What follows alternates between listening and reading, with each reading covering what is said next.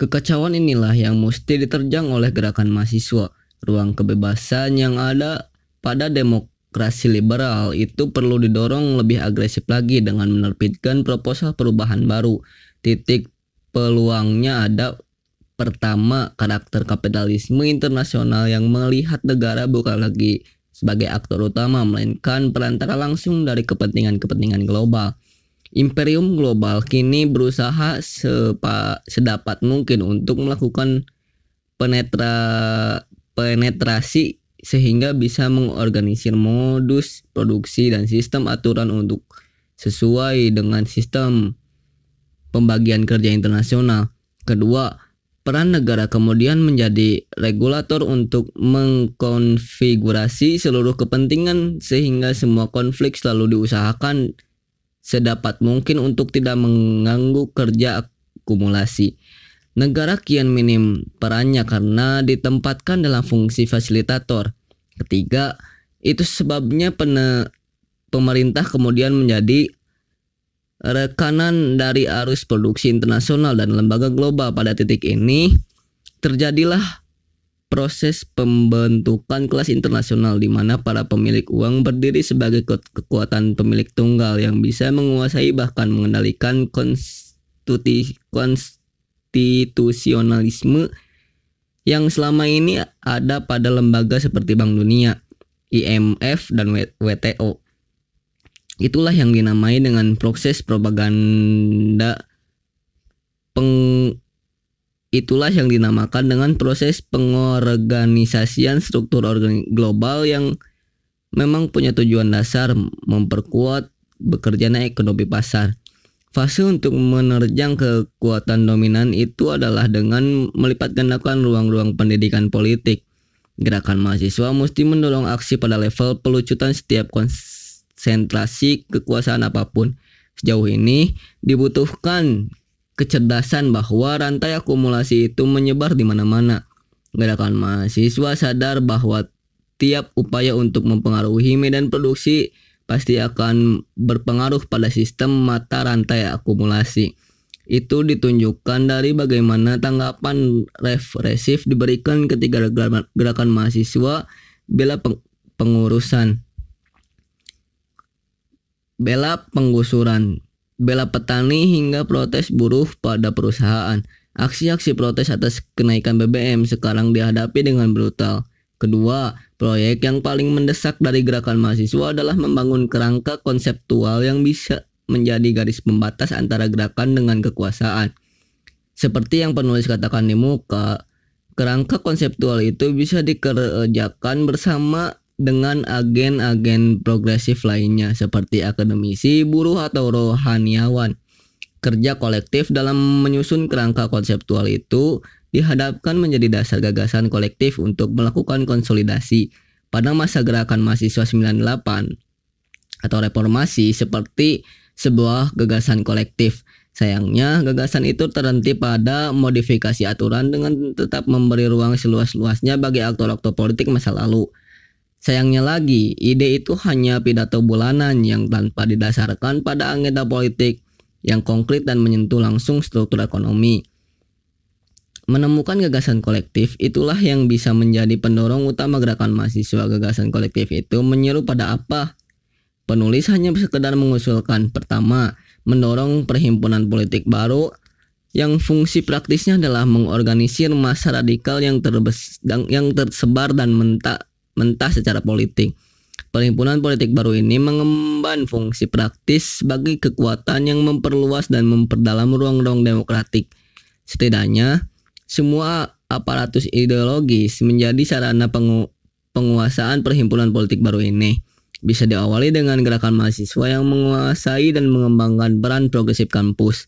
Kedua, memproduksi utopia tatanan alternatif sebagai upaya yang menghapus segala kemungkinan kompromi maupun harapan atas sebuah mitos. Dulu, ini pernah dicoba oleh gerakan mahasiswa kiri dengan mendorong ide pemerintahan kaum miskin. Kaum, kaum miskin. Tapi sayangnya, ide ini tak bisa diturun, diturunkan dalam proyek yang lebih pasti dan meyakinkan. Proposal politik alternatif itu bisa untuk menggerakkan harapan rakyat yang saat ini tak percaya pada sistem yang ada, tapi tak ada jalan keluar yang meyakinkan. Ketiga, didorong persekutuan-persekutuan taktis dengan kelompok progresif lainnya melalui jalan peranta perataan perbedaan kepentingan. Jika identitas adalah buah keputusan politik, maka peran gerakan mahasiswa adalah mendorong tampilnya identitas kolektif untuk tampil ke permukaan dengan menghadapkan kami dengan mereka. Identitas ini merupakan peneguhan eksistensial yang merupakan bagian penting untuk menunjukkan siapa gerakan mahasiswa sebenarnya. Ketiga adalah mendorong arus konfrontasi secara aktif terus-menerus. Mufel katakan konfrontasi adalah sengketa antara mereka yang berpegang pada prinsip etika politik yang sama, tapi bisa jadi beda cara penafsirannya. Konf konfrontasi tak harus dalam semangat kebencian, tapi berdasarkan pada semangat etika politik, keadilan, dan kesetaraan.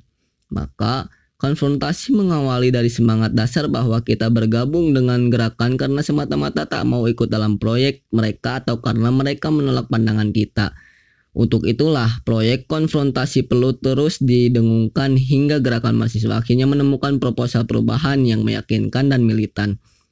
Sebuah sikap persetujuan kita pada gagasan bukan karena pertimbangan rasional benar, tapi memang secara emosional gagasan itu yang meyakinkan. Konfrontasi itulah yang memerlukan pelibatan massa. Inilah yang kini dilupakan oleh gerakan mahasiswa meletakkan masa sebagai kekuatan aktif dalam kritik mau terhadap Stalin dikatakan rakyat dan rakyatlah yang menjadi kekuatan aktif dalam menciptakan sejarah dunia. Sementara kita aparatur partai sering kali kekanak-kanakan dan bodoh. Tentu amat disayangkan jika pada Mei 98 gerakan mahasiswa selalu dipandang sebagai amuk dan anarki kategori yang membuat kita kemudian acuh pada kekuatan massa apalagi setiap pada garis massa Konfrontasi punya tujuan dasar untuk merobohkan sistem perwakilan semu yang sesungguhnya sudah tak lagi dipercayai dan mendorong persatuan di antar kelompok progresif. Tugas itu memang tak mungkin diamanatkan sepenuhnya pada gerakan mahasiswa, tapi perjumpaan kekuatan massa dengan ide perubahan bisa diperantai oleh gerakan mahasiswa. Maka tugas dasar gerakan mahasiswa tetap tak berubah, mendorong secara agresif terbentuknya situasi pendahulu pendahuluan di mana masa terlibat dalam konfrontasi. Konfrontasi dapat meledak jika sedari awal masa maupun mahasiswa melakukan analisa yang cermat atas situasi. Situasi merupakan sumber pembelajaran yang bisa menampilkan pengetahuan ekonomi politik yang sesungguhnya. Situasi yang dapat menjelaskan bagaimana pergulatan ekonomi politik itu terjadi. Pada sisi itulah konfrontasi jadi tesis yang mengikat dan menyatukan antara perubahan dan peristiwa. Tiap perubahan harus memunculkan peristiwa dan tiap peristiwa semestinya menampilkan perubahan.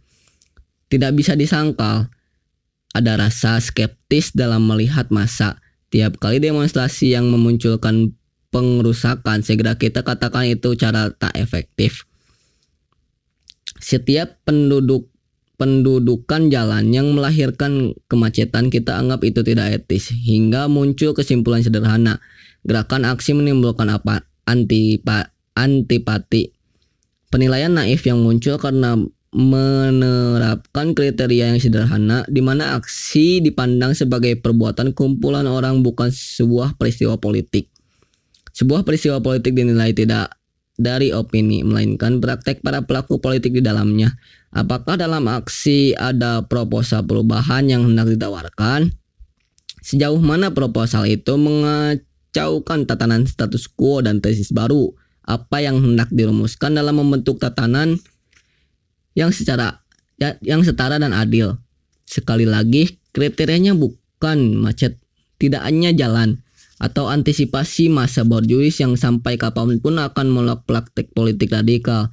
Sekali lagi, Politik seperti kata Alan Badio bukan soal mengambil jarak melainkan soal keberanian untuk mengambil posisi yang konsisten dengan posisi yang telah dipilihnya dengan cara memperjuangkan hingga akhir.